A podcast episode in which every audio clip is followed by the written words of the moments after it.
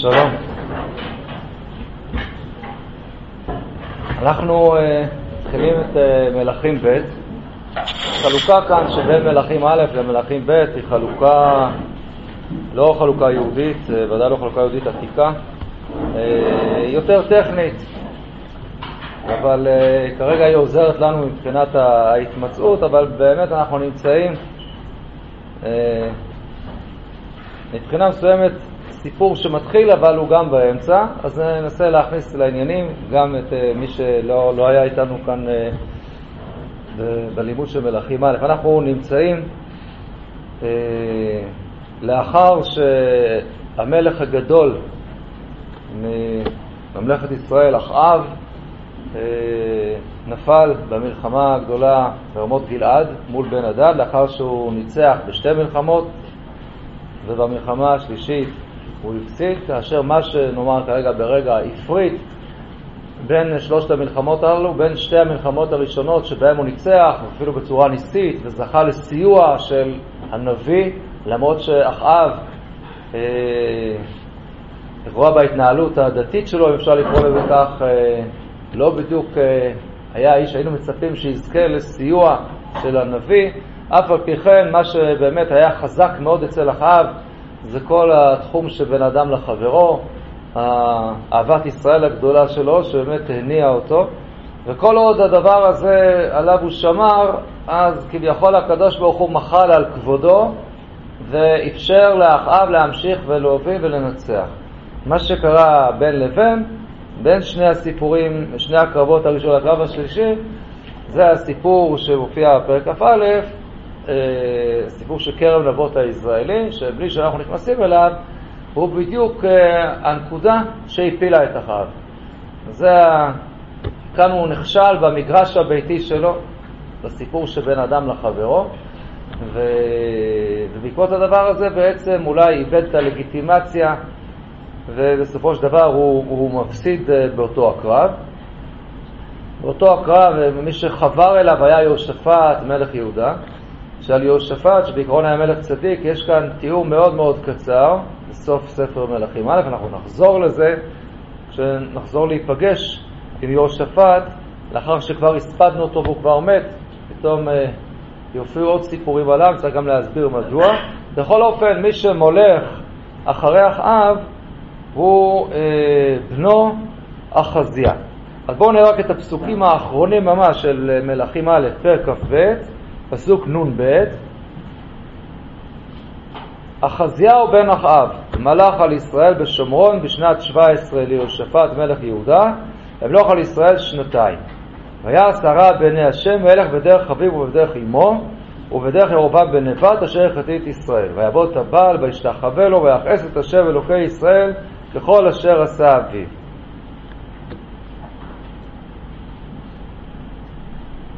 טוב, זו, זה, לכאן אנחנו עכשיו נכנסים לסיפור על אחזיה בן אחאב. אז אנחנו רואים, ההתחלה כבר כמובן לא מבשרת טובות, ויש כאן דבר מעניין. יכול יש כאן איזושהי חוסר סימטריה. והיה שרה בעיני השם, וילך בדרך אביו ובדרך אמו. מי זאת אה, אמו? אז זאת אה, איזבל. ואז כתוב, ויעבוד את הבעל וישתחווה ויכעס את השם אלוקי ישראל ככל אשר עשה אביו. למה כל אשר עשה אבי ולא כל אשר עשה אמו? אז זה ברור, כן? אומרים, אין ציפיות, אין אכזבות. השם אלוקי ישראל לא כועס על איזבל, הוא לא... ממנה אין באמת ציפיות בתחום הזה. הוא הלך בדרך אביו ובדרך אמו, אבל הקדוש ברוך הוא כועס עליו על זה שהוא עשה ככל אשר עשה אביו, אחריו מלך ישראל, כי השם הוא השם אלוקי ישראל. בכל אופן, מודגש, וזה חריג מאוד, שנאמר שהוא הלך גם בדרך אביו וגם בדרך אמו. כמעט הייתי אומר שאולי לפחות יש פה נקודת אור אחת שהוא עשה, כבד את אביך ואת אמך, כן? הלך בעקבותיו. לא נראה כאן שזו בדיוק הכוונה, אז הדגש המיוחד הזה, גם, גם הדרך עמו, זה כנראה דבר שהוא משמעותי ונראה את ההשלכות שלו ואת התובנה שלו בהמשך. טוב, מכאן אנחנו עוברים, וממש עצרנו באמצע, מלכים ב' פרק א', ויפשע מואב בישראל אחרי מות אחאב. ויפול אחזיה בעד הסבכה בעלייתו אשר בשומרון, ויחל, וישלח מלאכים ויאמר עליהם לכו דירשו בבעל זבוב אלוהי עקרון. אם יחיה מכל זה. ומלאך השם דיבר אל אליה תשבי, קום עלה לקראת מלאכי מלך שומרון, ודבר עליהם, המבלי אין אלוהים בישראל, אתם הולכים לדרוש בבעל זבוב ולא עקרון. לכן כה אמר השם, המיטה אשר עלית שם, לא תרד ממנה, כי מות תמות, וילך אליה. וישובו המלאכים אליו, ויאמר עליהם, מה זה שבתם? ויאמרו אליו, איש עלה לקראתנו, ויאמר אלינו, לכו שובו אל המלך אשר שלח אתכם, ודיברתם אליו, כה אמר השם, המבלי אלוהים בישראל אתה שולח את ראש בעזור ולא עקרון, לכן את אשר היית שם, לא תרד ממנה, כי מות תמות. וידבר עליהם, מה משפט האיש אשר עלה לקראתכם, וידבר עליכם את הדברים האלה. ואמרו אליו, איש בעל שיער, ואזור אור עזור במותניו. ויאמר, אליה תשביעו. וישלח אליו שר חמישים וחמישה, ויעל אליו, והנה יושב על ראש ההר, וידבר אליו איש האלוקים, המלך דיבר רדע. ויענה אליהו וידבר אל שר החמישי, ואם איש אלוקים עני, תרד אש מן השמיים, ותאכל אותך ואת חמישיך. ותרד אש מן השמיים, ותאכל אותו ואת חמישיו. וישוב וישלח אליו שר חמישים אחר בחמישיו. ויען וידבר אליו איש האלוקים, כה אמר המלך מהרה רדע. ויען אליה וידבר עליהם, אם איש אלוקים עני, תרד אש מן השמיים, ותאכל אותך ואת חמישיך, ותרד אש אלוקים מן השמיים, ותאכל אותו ואת חמישיו. וישוב וישלח שר חמישים שלישים וחמישיו. ויעל ויבוא שר החמישים ושלישי ויכל ברכיו לנגד אליהו, ויתחנן אליו, וידבר אליו, איש האלוקים, תיקר נא נפשי ונפש עבדיך אלה חמישים בעיניך. הנה ירדה אש מן השמיים ותאכל את שני שרי החמישים הראשונים ואת חמישיהם, ואתה תיקר נפשי בעיניך. וידבר מלאך השם אל אליהו, רד אותו על טירה מפניו, ויעקב וירד אותו אל המלך. וידבר אליו, כה אמר השם, יען אשר שלחת המלאכים לדרוש בבעל זבוב אלוהי עקרון, המבלי אין אלוקים בישראל לדרוש בדברו, בדברו, לכן המיטה אשר עלית שם לא תרד ממנה, כי מות תמות. ויעמוד כדבר השם אשר דיבר אליהו, וימלוך יהורם תחתיו. למה לא כתוב וימלוך, כמו שתמיד כתוב, וימלוך יהורם בנו תחתיו? בשנת שתיים ליהורם בן יהושפט מלך יהודה, כי לא היה לו בן. כלומר, מה? לא, עכשיו אנחנו צריכים להתרגל. יש פה שמות כפולים שנמצאים גם ביהודה, גם בישראל. יש כאן שני יהורם שהם הולכים במקביל. יש את יהורם בן יהושפט בממלכת יהודה, שעוד לא שמענו עליו כלום, וכרגע יש את יהורם, שהוא הבן של אחאב. מה זאת הבן של אחאב? ואחאב מת מזמן. הוא אח של אחזיה, זה שמת כרגע. במיטתו. מדוע מולך אח שלו? כי לא היה לו בן. אז בעצם אה, יש כאן שני אחים של בני אחאב שמלכו בזה אחר זה. ויתר דברי אחזיהו אשר עשה לא הם, הכתובים עשה ודברי הימים למלכי ישראל. טוב. אז לא, לא הרבה שמענו כאן על, יורה, על אחזיה. אה, אנחנו רק רואים את פנייתו אל בעל זבוב אלוהי קרון. אה, הרבה השערות נאמרו בקשר לזבוב הזה. אין, בוודאי, זה קודם כל איזושהי עבודה זרה כנענית, בעל, אחד מסוגי הבעל, עבודת הבעל, שנכנסה כאן בצורה חזקה בימי אבא שלו, בימי אחאב, אבל זה כמובן נכנס בעיקר, כפי שהראינו בארוכה, על ידי אימא שלו, על ידי, על ידי זבל. אני רוצה להזכיר, רואים ש... אחאב הכניס את עבודת הבעל והאשרה. אחאב לא האמין בזה. אחאב, בוא נאמר, ככל הנראה לא הסתובב עם שטריימל, או קפוטה. הוא לא היה נראה בדיוק ככה, אפילו לא עם כיפה סרוגה, אני חושב. אבל אחאב, ברגע שנגזרה בצורת, הוא ידע בדיוק מי הכתובת. והוא שלח בטירוף ממש לחפש את אליהו. יש לך כל כך הרבה נביאים, נביאי בעל, אשרה, שעובדים כולם לרשותך, מה הבעיה? לא, הוא יודע את האמת. האמת, ואחאב היה מוכן לקבל את כל הסיפור הזה של עבודת הבעל, אני אומר את זה עכשיו בקיצור, כי הוא עשה בזה חשבון. חשבון כלכלי שהוא חשב שהוא יהיה החשבון לטובתו של עם ישראל. מכיוון שהנישואים שלו עם איזבל היו נישואים פוליטיים. איזבל בת את בעל מלך צידונים, הנסיכה הצידונית, וזה בעצם קשירת ברית עם הממלכה הצידונית, צור וצידון, שהייתה ממלכה מאוד מאוד מאוד עשירה, סוחרים, ימאים, פיניקים, אבל לא ממלכה חזקה מבחינה ביטחונית, והיא בדרך כלל הייתה ממלכה שאימפריה יותר גדולה פרסה את חסותה הביטחונית עליה, והיא סיפקה צרכים כלכליים רציניים. וזה בעצם מה שכאן אה, אחאב רוצה לעשות. אני מזכיר, זה מאוד מאוד דומה למה שהייתה בעצם לבנון לפני שהחלו שם המלחמות בעשרות השנים האחרונות. לבנון הייתה אזור ש...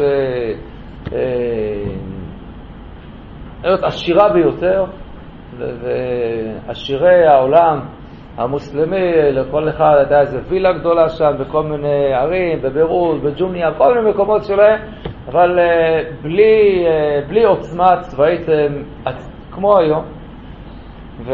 ובעצם זה מה שרצה אחאב. ממלכת ישראל לבלה והייתה במצב לא כל כך פשוט, והוא החליט ששווה לו את העניין. הוא כורת ברית עם, עם הצידונים, והוא יספק להם הגנה, הם יספקו לו באמת עורף כלכלי גדול וחזק, אבל יש לדבר הזה מחיר, מחיר דתי, שאותו אחאב היה מוכן לבלוע. המחיר הדתי הזה הוא, הוא איזבל. איזבל מגיעה לכאן, היא מגיעה, לא מגיעה לבד, מגיעה עם כל הפמליה שלה והחצר שלה, נערותיה ונביאיה והכמרים ושל העבודה הזרה שלה וכולי. אבל איזבל הייתה אישה כנראה מאוד מאוד חזקה, והיא השליטה טרור בתחום הזה, ו... אבל אחאב הבין ששווה, הנה ממלכת ישראל מתעצמת ומתגדלת. סביב זה היה ויכוח גדול עם אליהו הנביא. אליהו הנביא בא אליו ואמר לו, אתה חושב שהאוצרות של הכלכלה נמצאים בקשר הזה שלך עם, אה, עם צור, ממלכת צידון? אתה חושב שמשם זה יבוא עם עבודת הבעלים שלהם? אתה תראה שזה לא שווה כלום. ברגע שאני סוגר את המפתחות, סוגר את השמיים, לא יהיה מטר, הכל מתפרק כפי שאחרי קרה, והבצור, סביב זה היה כל הדיון הגדול. איזבל היא זאת שגם מאמינה לכל הסיפור הזה, שזו הדת שלה, כן? ואלה הכוהנים, הנביאים שלה. ואולי זה הדגש כאן אצל החזייה בן אחאב, שמה שהוא עושה, זה שהוא עושה בפועל, הוא עושה ככל אשר עשה אביו. הוא מכעיס את זה. אבל הדרך בפועל שבה הולך היא לא רק דרך אביו, אלא גם דרך אמו. כי הנה עכשיו כשהוא חולה, אז הוא שולח לדרוש בבעל, הבעל הזה של עקרון, בעל זבוב. מה זה בעל זבוב? אין לנו אותו עוד בתנ"ך, את הזבוב הזה. אה, אז יש שאומרים שזה היה בעל שהיה ממונה לטפל במחלות יש בכלל הצעה שאולי אה, כאן יש אה, שינוי מיוחד, מכוון של המקרא, שקוראים לבעל הזה באמת לגנאי, שם לגנאי, וזה לא היה השם האמיתי שלו. תראו שהשם שלו היה בעל זבול. זבול זה מכובד וחדול וחזק, ושינו את זה לכאן לבעל זבוב. טוב, יהיה ככה, יהיה ככה, זה לא נפקא מינה גדולה. בסך הכל אני רוצה לומר לכם שככל הנראה הוא לא היה כל כך חזק, הזבוב הזה. ככה מסתבר כאן. בכל אופן, החזייה שולח לדרוש בבעל זבוב.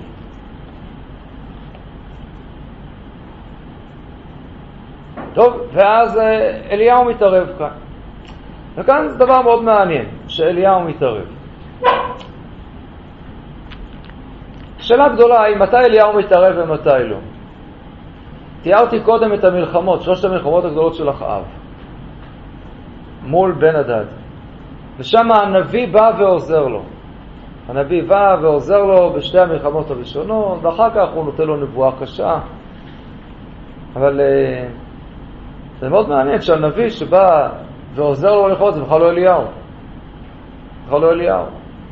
והנביא בכלל שנמצא שם הוא מיכאי בנמלה, רואה את כל המעשה המרכבה, איפה אליהו? מתי אליהו בא, מתי הוא לא בא? אני כרגע נאמר את זה, וזאת, אה, ייקח לנו עוד כמה שיעורים עד שנוכל להוכיח את זה בצורה יותר חזקה, אבל כאן זה מאוד בולט. המאבק של אליהו הוא בהקשר הזה של אחאב עם איזבל, למה שקשור לאיזבל. לא אחאב מצד עצמו. אלא דווקא בהקשר הזה של איזבל. אז זה המאבק כאן הגדול של אליהו. בכל מקום שקשור להופעה הזאת של איזבל ולמה שהיא מבטאת ולמה שהיא כאן מביאה. לכן איזבל היא זאת שרוצה להרוג אותו. אני מזכיר שלאחר מעמד הר הכרמל, איזבל, אחרי שאחאב הולך ומסתפר לה מה היה, אז איזבל אומרת ככה, מחר זה נפשך כנפש אחד מהם, זהו. מחר אני דואגת להרוג את אליהו. המאבק פה הוא... אז כאן מובן מדוע דווקא אליהו מתערב, מכיוון שאחזיה, הבן, הוא כאן הבן של אימא שלו. זה בדיוק אותה תופעה, ולכן הוא זה שהולך ודורש בבעל, וכאן אליהו מתערב. הקדוש ברוך הוא שולח אותו להתערב, וההתערבות כאן היא מאוד מעניינת. ואולי הדבר שנראה הכי צורם בסיפור הזה, זה כן, למה להרוג את השליח. כן, מסכנים, ה... כן, שר החמישים הזה, וחמישה, והראשון והשני, שבדיוק תפסו את אליהו במצב רוח לא כל כך טוב. כן? בכלל לא היה כדאי להתקרב לאליהו בהרבה הזדמנויות, זה בסך הכל היה די חם לידו. ומה הם אשמים? מה, מה, כאן, מה כאן העניין? מה פה הסיפור? אז כמובן שאפשר להגיד אוי לרשע ואוי לשכנו, ו... ו... זה לא נראה שזה מספק. הראיה הוא כמובן הסיפור של שר החמישי השלישי, שהוא כן אה, ניצל. מול האחרים שרק ניצלו. וכשקוראים את מה שהוא עושה, אז זה מאוד מובן. מאוד מובן, לפחות מן ההקשר, אנחנו קולטים שיש הבדל. כי שר החמישים השלישי מדבר אחרת. מדבר אחרת, והוא יורד על הברכיים, והוא מתחנן. אני נדייק את זה קצת יותר. בעצם אולי שאלה שהיא יותר גדולה מהשאלה הזאת היא לא למה נשרפו שרי החמישים הללו עם חמישיהם, אה, אלא מה עם החזייה? הוא עד כדי כך אה, טיפש? אתה לא מפחד? מה אתה עושה? מה, אתה לא יודע מי זה אליה?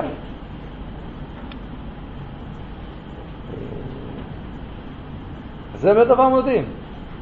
הוא לא מפחד מאליהו.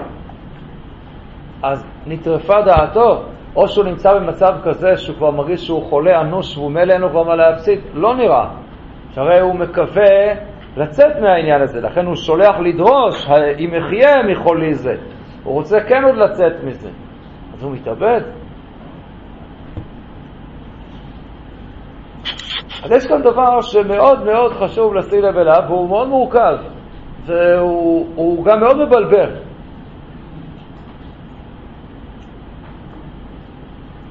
למה אה, אליהו לא הולך ישר לאחזיה?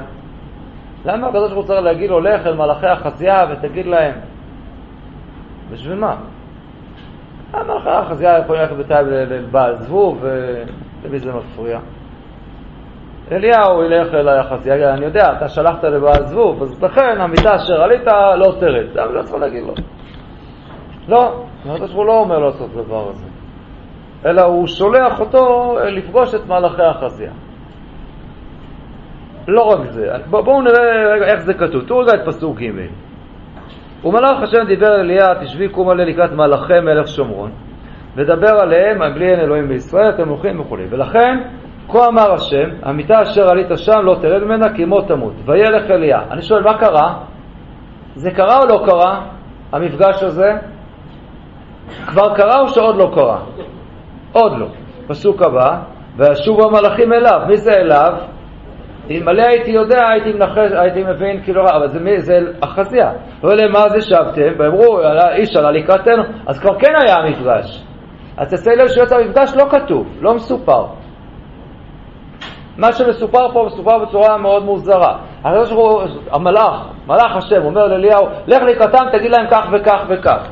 ואז הפסוק הבא הוא, וישובו אליו, אליו אני כבר מתבלבל, לא, הכוונה אליו לאחזיה, הוא שואל למה חזרתם? כי נפגשנו עם אליהו והוא אמר לנו כך וכך וכך, לא אמרו לו אליהו. אז עצם המפגש הוא אפילו לא מופיע כאן, הוא נסתר מעינינו, מאוד מוזר.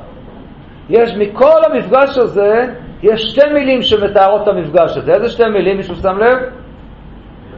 מה מישהו אמר נכון? וילך אליה, סוף פסוק ד'.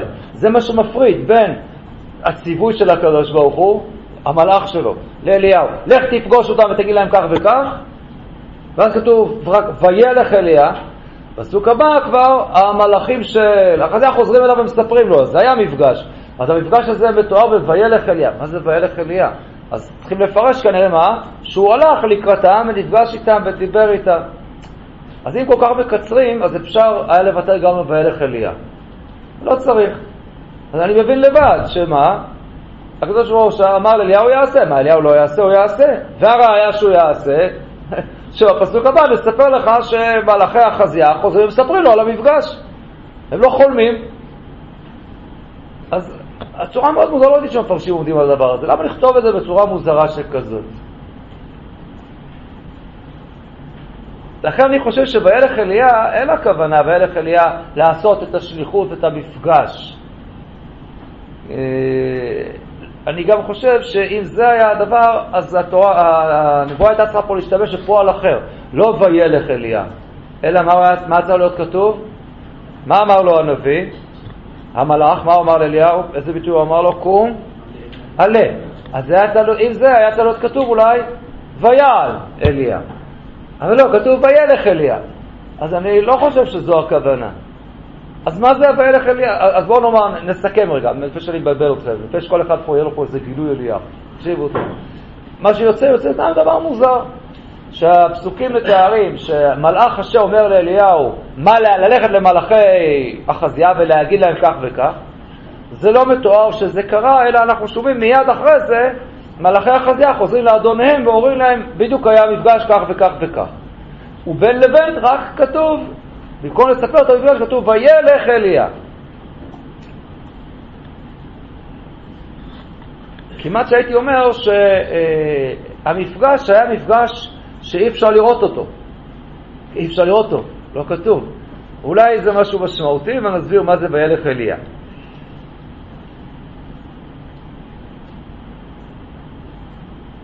מה אתם אומרים, אליהו, נגיד, הוא, הוא פחד מהסיטואציה הזאת? זה מצחיק לשאול, נכון? אליהו פוחד ממשהו, הוא, כן, איש האש, כן? את, uh, הטעות הכי גדולה הייתה אם אדם רצה לעשן סיגריה ושאל את אליהו, יש לך אש? זה ממש לא, זו לא הכתובת, כן, המתאימה. אליהו יפחד ממישהו? שאלה מצחיקה. כנראה שלא. כנראה שלא. שימו לב, אחרי שהוא שרף את שתי המשלחות הראשונות של שרי החמישים, אחרי שמתחנן אליו השלישי, שימו לב לפסוק ט"ו. תראו את פסוק ט"ו. וידבר מלאך השם אל אליהו, רד אותו, אל תירא מפניו. מה זה? אני לא הייתי מתפלא אם ההמשך היה ותצא אש מלפני אליהו ותאכל את המלאך. כאילו, אתה אומר לי אל תפחד?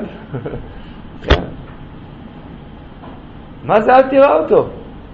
רד אותו, אל תראה מפניו, מה זה? אז זה מאוד מאוד מורכב פה הסיפור. אני מזכיר סיפור שסיפרנו לפני, בשנה הקודמת, נספר אותו עוד פעם, כי יש בו בכל אופן פנים חדשות, אחד או שניים.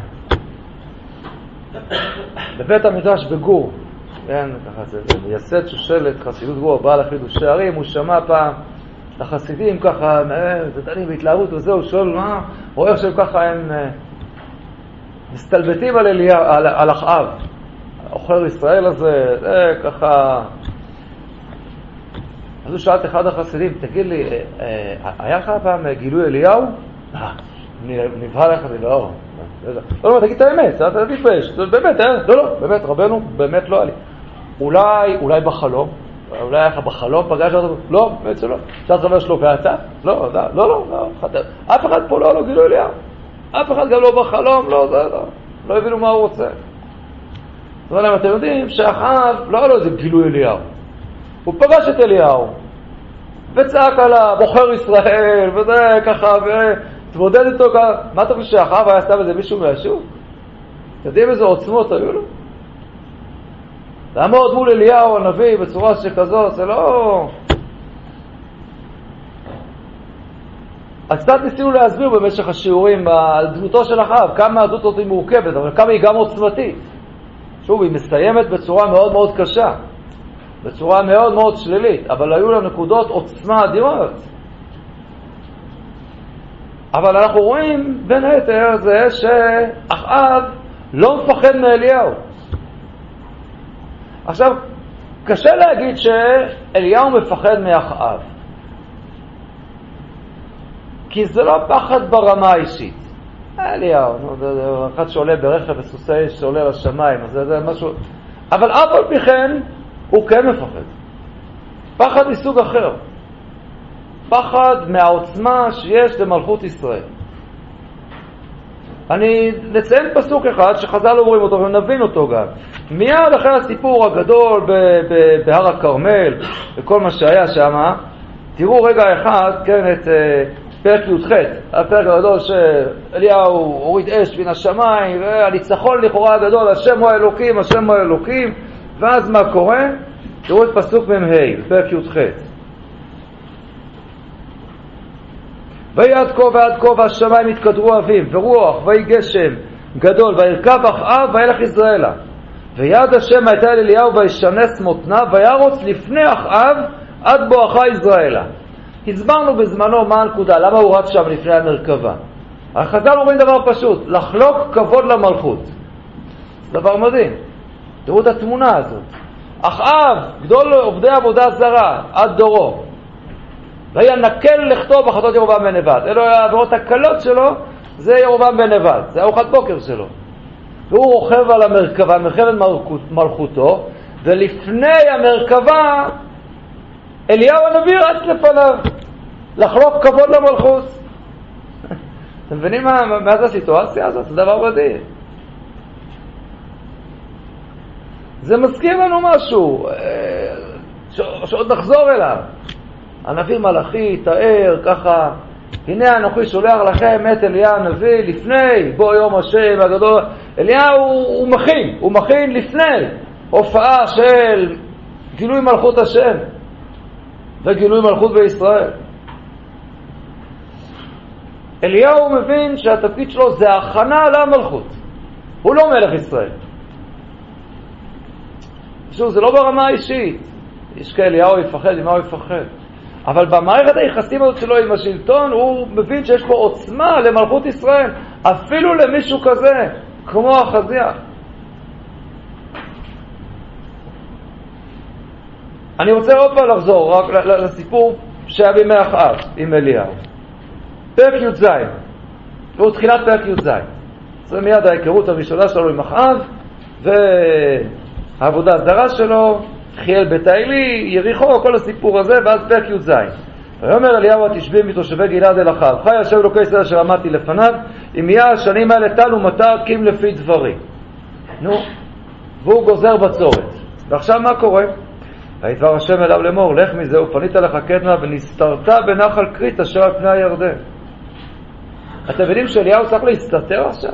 אני אגיד לך איפה תתחבא, שלא ימצאו אותך. למה שלא ימצאו אותו? למה צריך להסתתר?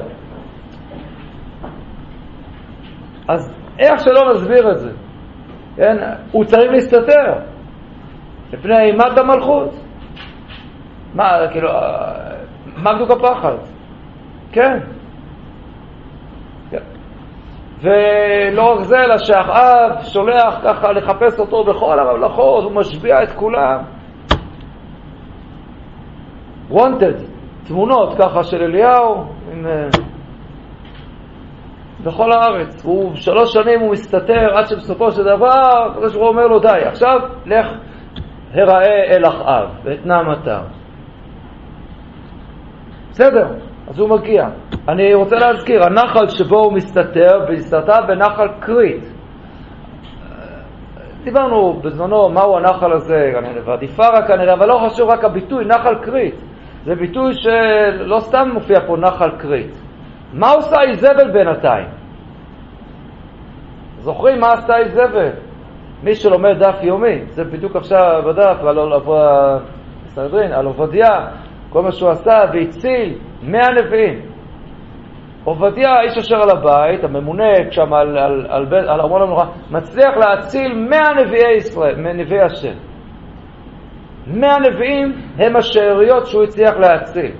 הביטוי ויהי באחרית איזבל את נביאי השם. איזבל מחריטה עושה שם טבח בנביאי השם. טבח אדיר, תחשבו, מאה נביאים, היא הרגה אלפי נביאים, הכריתה אותם. ואליהו מסתתר בנחל כרית, זה ודאי לא מקרי, כדי שלא יכריתו גם אותו. ואני חוזר שוב עכשיו, אחרי הניצחון הגדול לכאורה במעמד הר הכרמל, בזמנו כבר הראינו למה זה לא היה, לא היה כזה ניצחון גדול. וואו, היינו עכשיו פרק י"ט, אז הוא רץ לפני אחאב, אגוחה ישראל, פרק י"ט, פסוק א', ויגד אחאב לאיזבל את כל אשר עשה אליהו ואת כל אשר הרג את כל הנביאים בחרב, כן, את נביאי הבעל שלה, והשרה ותשלח איזבל מלאך אל אליהו לאמור, כה יעשו אלוהים וכל יוסיפון, כי כעת מחר אשים את נפשך כנפש אחת מהם. היא לו, ככה? מחר אתה מת כמו כל אלה שאתה הרגת עכשיו. אני הייתי מצפה אם לא הייתי יודע את ההמשך. ואומר אליהו לאיזבל, מה את אומרת? בואי נבדוק, בואי ניפגש. אני מציע לך להביא שמלה חסינת אש למפגש. כן. גחלים עליי. כן, מה? איזבל! היא תאיים על אליהו, נו באמת. אני כבר לא מדבר על השם שלה, אישה, תאיים על אליהו ככה. מה זה? ומה התגובה של אליהו? וירא, ויקום, וילך אל נפשו, ויבוא בבאר שבע של יהודה, והלך את נערו שם, והוא הלך במדבר דרכי, וישאל את נפשו למות. ואומר, רב אתה אשר קר נפשי כי לא טוב אנוכי. מה זה, זה ייאוש, מה קרה? מה בדיוק הבעיה?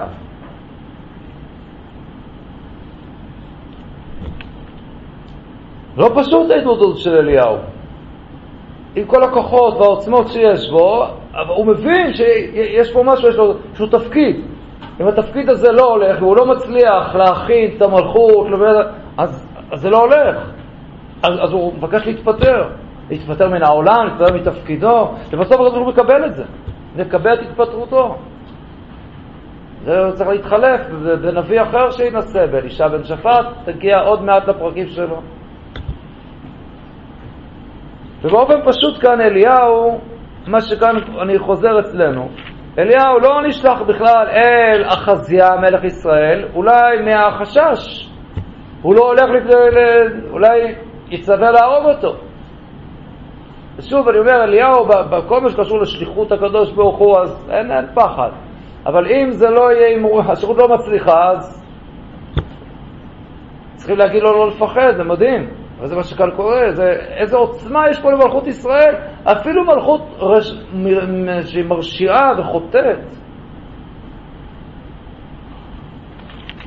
ואם ככה, אני חושב שבאמת התיאור כאן של הפגישה הראשונה הזאת של, של אחאב עם מלאכי החזייה, שהיא לא מתוארת, זה בדיוק הצורה של הנביא לתאר שמה?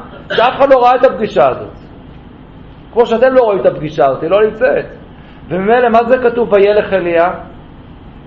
זה לא וילך לפגישה, אלא מה הוא עשה מיד אחרי שהוא נפגש איתם? וילך אליה. מה? הוא מיד מה? הלך ודרק שמה? שלא ימצאו אותו. שלא ימצאו אותו. מהחשש הזה.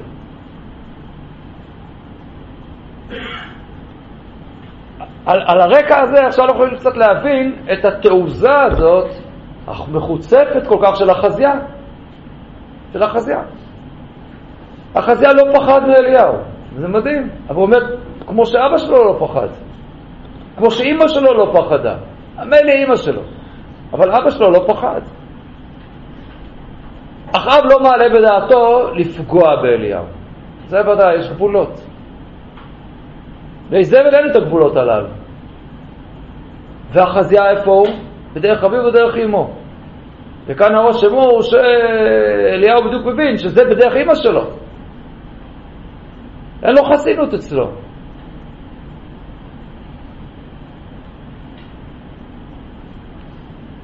טוב, עכשיו אנחנו מבינים מה, עושה, מה, מה עכשיו עושה החזייה.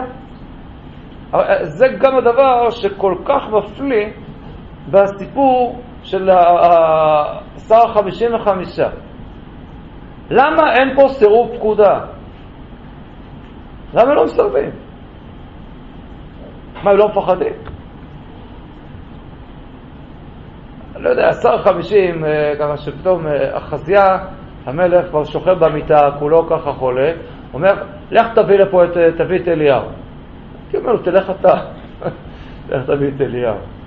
כן, אז זה לא סיפור פשוט. תעשה סיבוב, תביא את אליהו רגע. כן? חי עומד, תביא אותו לפה. הרי מה, מה זה החזה השואל? החזה השואל, הוא לא שואל, מה, ככה הוא אמר לכם? מי, מי זה הנביא? מי, מי זה אמר לכם את זה? סבא נחמד כזה? מה, מה הוא אמר לכם? אולי יש לו גם כדורים למחלה שלי אולי? לא. הרושם ש... מה החזה? החזה כשמספרים לו את זה השליחים, אז מה, הם, מה הוא אומר? וידבר עליהם, מה משפט האיש אשר עלה לקראתכם? וידבר עליכם את הדברים האלה. וידבר, דיבור כל הדברים האלה. והוא אליו איש בעשר, טוב וכו', ואומר אליה תשביעו. נו, אליה תשבי, אוי ואבוי. וואי, קודם כל תתפעל.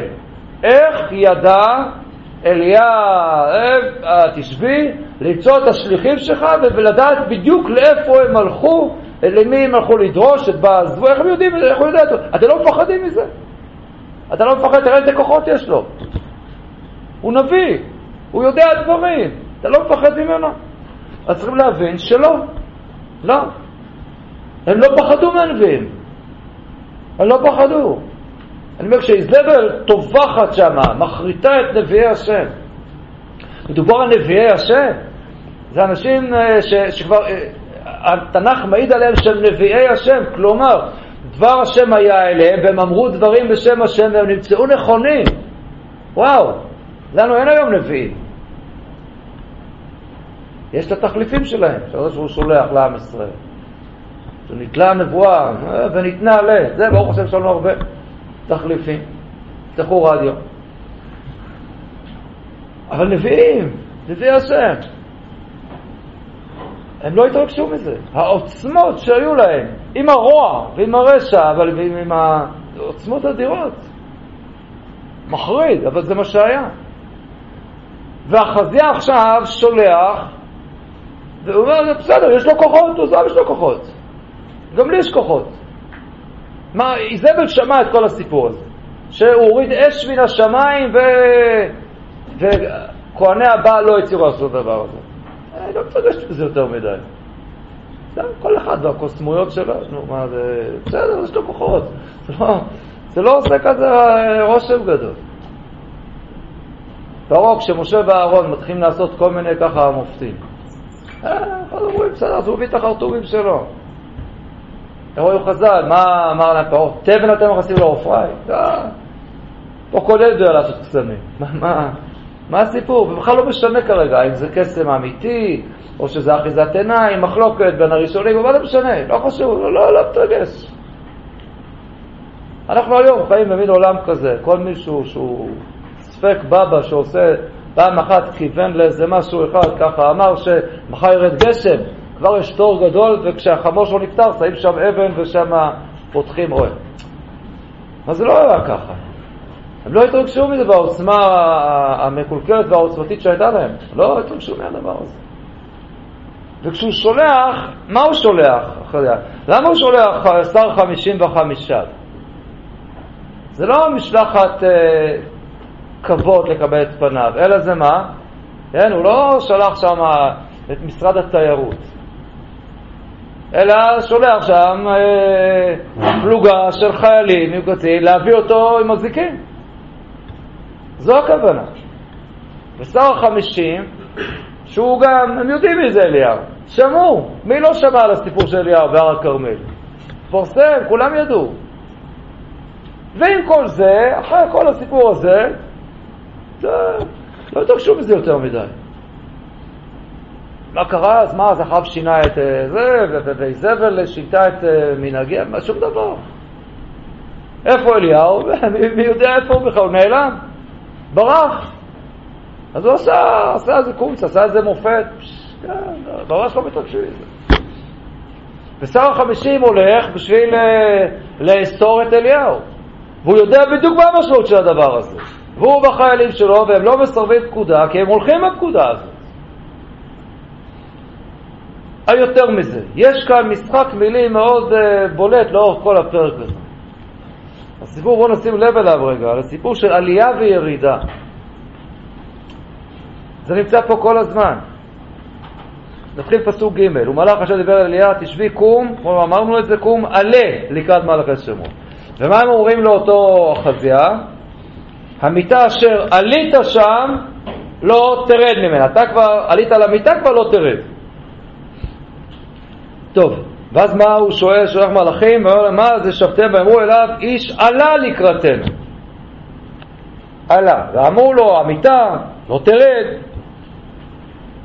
וישלח אליו שר חמישים, דילגתי קצת. ויעל אליו, שר החמישים עולה אליו, הוא עולה אל אליהו, ואליה יושב על ראש ההר. למה אליהו יושב על ראש ההר? טוב, זה מקום חביב על אליהו. אליהו יושב על ראש ההר, נאמר. בהנחה שמה שאמרתי קודם, האווירה מאוד ברורה. הוא יושב על ראש ההר באיזה מקום, מה? מרוחק ושלא יתפסו אותו. ואיך אני יודע את זה? כי שר החמישים לא עולה להר. כי מה יקרה אם הוא יעלה להר?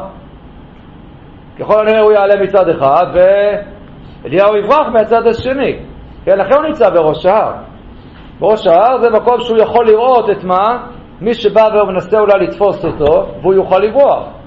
ולכן מה עושה באמת שר החמישים? הוא נמצא למטה. אז וידבר אליו, מה הוא אומר לו? איש האלוקים, המלך דיבר, רדע, אתה תרד.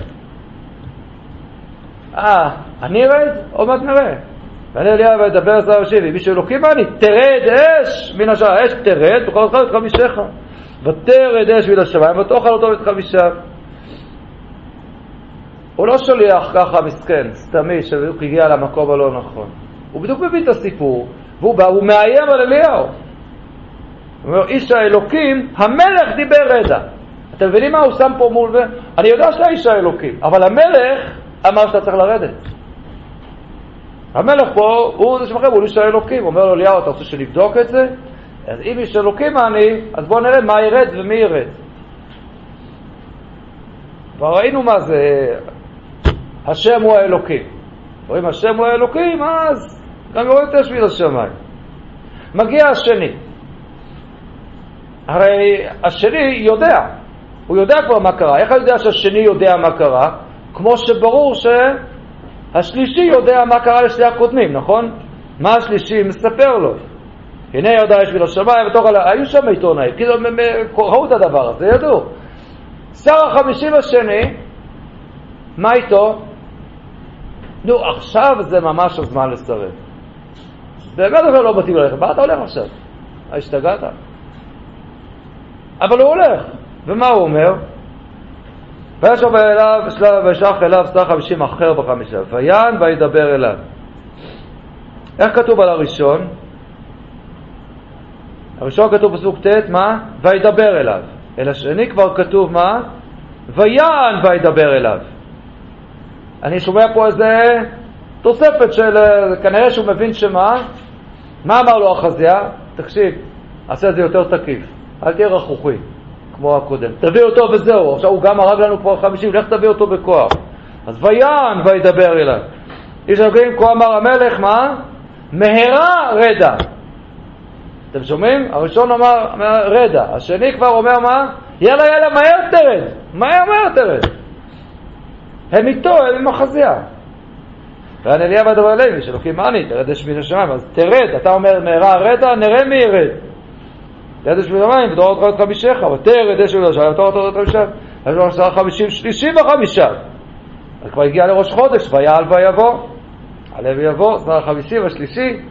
ויכרע על ברכיו נגד אלוקיו, כנגד נגד אליהו, ויתחנן אליו, וידבר אליו, איש האלוקים. איך שהוא אומר איש האלוקים, כבר אליהו מבין את ההמשך, כן? הוא כבר מוציא את הגפרורים, לא. תיקרנה נפשי ונפש עבדיך אליך ושי בעיניך, הנה ירדה אש מן השמיים ותאכל ואתה אתה אתה אתה יש פה אמירה, אבל אליהו מתלבט. למה אליהו מתלבט? נו, הוא בסדר. הוא בסדר? הוא לא במאה אחוז בסדר. למה הוא לא במאה אחוז בסדר? כי הוא לא סירב לאחזיה, בדיוק. הוא עדיין פוחד מאחזיה יותר מאשר הוא פוחד מאליהו. זה כל הזמן הסיפור של העם גם, בגדול. אתם זוכרים מה אמר אליהו בהר הכרמל? מה הוא אמר לעם? עד מתי אתם, מה? פוסחים על שתי הסעיפים, תחליטו. אי אפשר גם וגם. אם הבעל, אם... תחליטו. לכן יש פה איזו הפסקה כזאת. מתח כזה, ככה שאליהו אומר לו, רגע, חושבים. אפשר עזרת שיחה, ככה חבר טלפוני, הוא מקבל. וידבר מלאך השם אליהו, רד אותו. אתה יכול לרדת, לא? אל תירא מפניו. אתם מבינים? צריך להרגיע יותר, אל תירא מפניו. ויקום וירד אותו אל המלך. הוא, הוא באמת מוריד אותו אל המלך, לא סתם הביטוי הזה. הוא לא צדיק, השר החמישי בשלישי הזה. אני הייתי מצפה שאליהו יורד והשר חמישים אה, מתקומם, מנשק לו את הרגליים, אומר לו, אני כבר לא אלך פה לאחזיה, אני מבטיח, אבל לא, הוא מוריד אותו אל המלך. איזה עוצמה יש פה בבית אחזיה, ב... וידבר אליו כה אמר השם, יען ששלח את המלאכים, לדרוש ועזור, אלוקי עקרון, אלוהי עקרון, לכן המיטה אשר עלית, לא תרד ממנה. וימות כדבר השם אשר דיבר אליהו ולא יורם תחתיו. זה כנראה לא היה פשוט לאליהו להגיע ולהתייצב מול החזייה ולהגיד את הדבר הזה. אבל ככל הנראה, עכשיו, בעקבות הדבר הזה, כן, אה, תצוגת התכלית שהייתה שם, אז לפחות כשהוא עומד שם, שרי החמישים האחרים או החיילים האחרים של החזייה כבר לא מעיזים לפגוע באליהו, והוא עומד שם. אבל זה לא דבר שהוא מובן מאליו, ואליהו לא היה בטוח שזה מה שיקרה. אני מזכיר סיטואציה דומה, שהיא באמת שאלה גדולה מאוד, צריך להבין אותה. בכל סיפור יציאת מצרים. הם משה ואהרון נכנסים לארמון המלך, מדברים איתו, יוצאים, נכנסים, יוצאים, כאילו, מי נתן להם להיכנס בכלל? מה, כל אחד שהוא רוצה יכול להיכנס רגע למלך, שמע המלך, יש לי פה טריק, תראה. מה יש לך ביד? מים? הופ. אה, איך הם הגיעו לשם? מי נותן להם להיכנס? איך הם הגיעו? זה לא דבר פשוט להיכנס אל ארמון המלך. וגם פה, זה צריך להגיד לאליהו, אל תירא, אני איתך.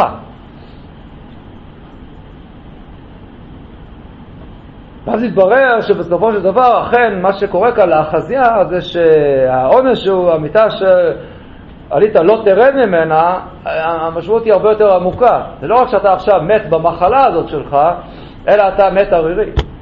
ובעצם זהו, מהחזייה אין המשך.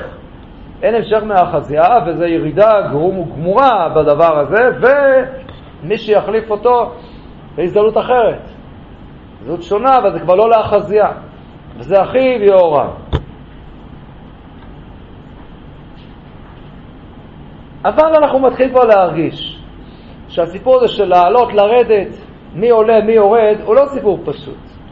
בואו נתחיל אולי עם, ה, עם ההתחלה, ההתחלה. מה כתוב על החזייה? מאיפה הוא נפל? החזייה נפל. אתם מבינים מה זה אומר ליפול? ליפול זה בדיוק הסיפור של מלמעלה. עכשיו זה כתוב, ויפול החזייה בעד הסבכה, איפה? בעלייתו.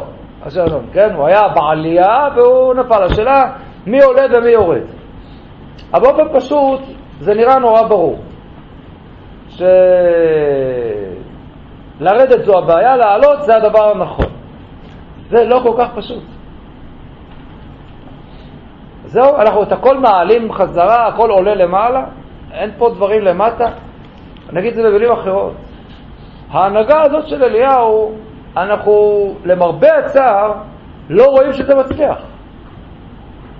זה לא הצליח אצל אחאב, לא הצליח מול לי זבל, והנה גם מול החזייה זה לא מצליח. זה לא מחזיר שם אנשים למוטב. זה לא משנה את תפיסתם ואת אמונתם. אז נכון, אז כל מי שעם אליהו, אז אליהו מוריד אש מן השמיים והיא אוכלת. ומורידה אותה. אבל זו, זו, זו ההתנהלות כל הזמן בעולם הזה, צריך המפגש בין למעלה ללמטה, זה על ידי אש שיורד מן השמיים ואוכלת למטה, זה, זה הסיפור. אז כבר ראינו את הפיטורין במרכאות של אליהו, במעמד המורכב בהר חורב. אבל תראו מיד את ההמשך עכשיו, רק תראו את הפסוק הראשון של פרק ב'. ויהי בהעלות השם את אליהו בסערה השמיים. בזה זה מסתיים. אם לעלות, לרדת, לעלות, לרדת בצורה הזאת, אז בסופו של דבר אליהו עולה לשמיים. עד שהוא ירד בחזרה לתפקיד, התפקיד הגדול שלו, להשלים את התפקיד הגדול שלו, שהוא לא הצליח כאן לעשות אותו. זה לא הלך. קשה להגיד את הדברים הללו. אבל זה מה שכאן כתוב בפסוקים. אליהו, איש האלוקים, איכשהו זה לא עובד. זה לא עובד. זה משמעותי וחשוב מאוד. תשמעו את כל המסרים הגדולים, החריפים עליו של אליהו הנביא, מה השאלה בכלל? פשוט. אבל איכשהו הרושם הוא שבסופו של דבר זה מסתיים בכך שאליהו עולה לשמיים. אנחנו נראה איזה מחיר כבד יש לזה שאליהו עולה ומסתלק. אחרי שאליהו יעלה ויסתלק, או אז נתחיל להבין כמה זכויות היו לעם ישראל בזכות זה שאליהו, הקנאי והשורף, נמצא איתם. איזה דברים גדולים זה, זה פועל לעם ישראל, שוודאי לא יודעים את זה אפילו. רק כשהוא יעלה למעלה, פתאום יתברר מה הפסדנו. אבל בפועל ההנהגה הזאת עוד לא הצליחה למצות את עצמה. הנה אנחנו שולח לכם, אליה הנביא, לפני ביום השם, זה, זה יגיע. בשלב הזה עדיין לא זכו ולא זכינו, אנחנו כולנו מחכים שנגיע לזה ברחמים, בעזרת השם.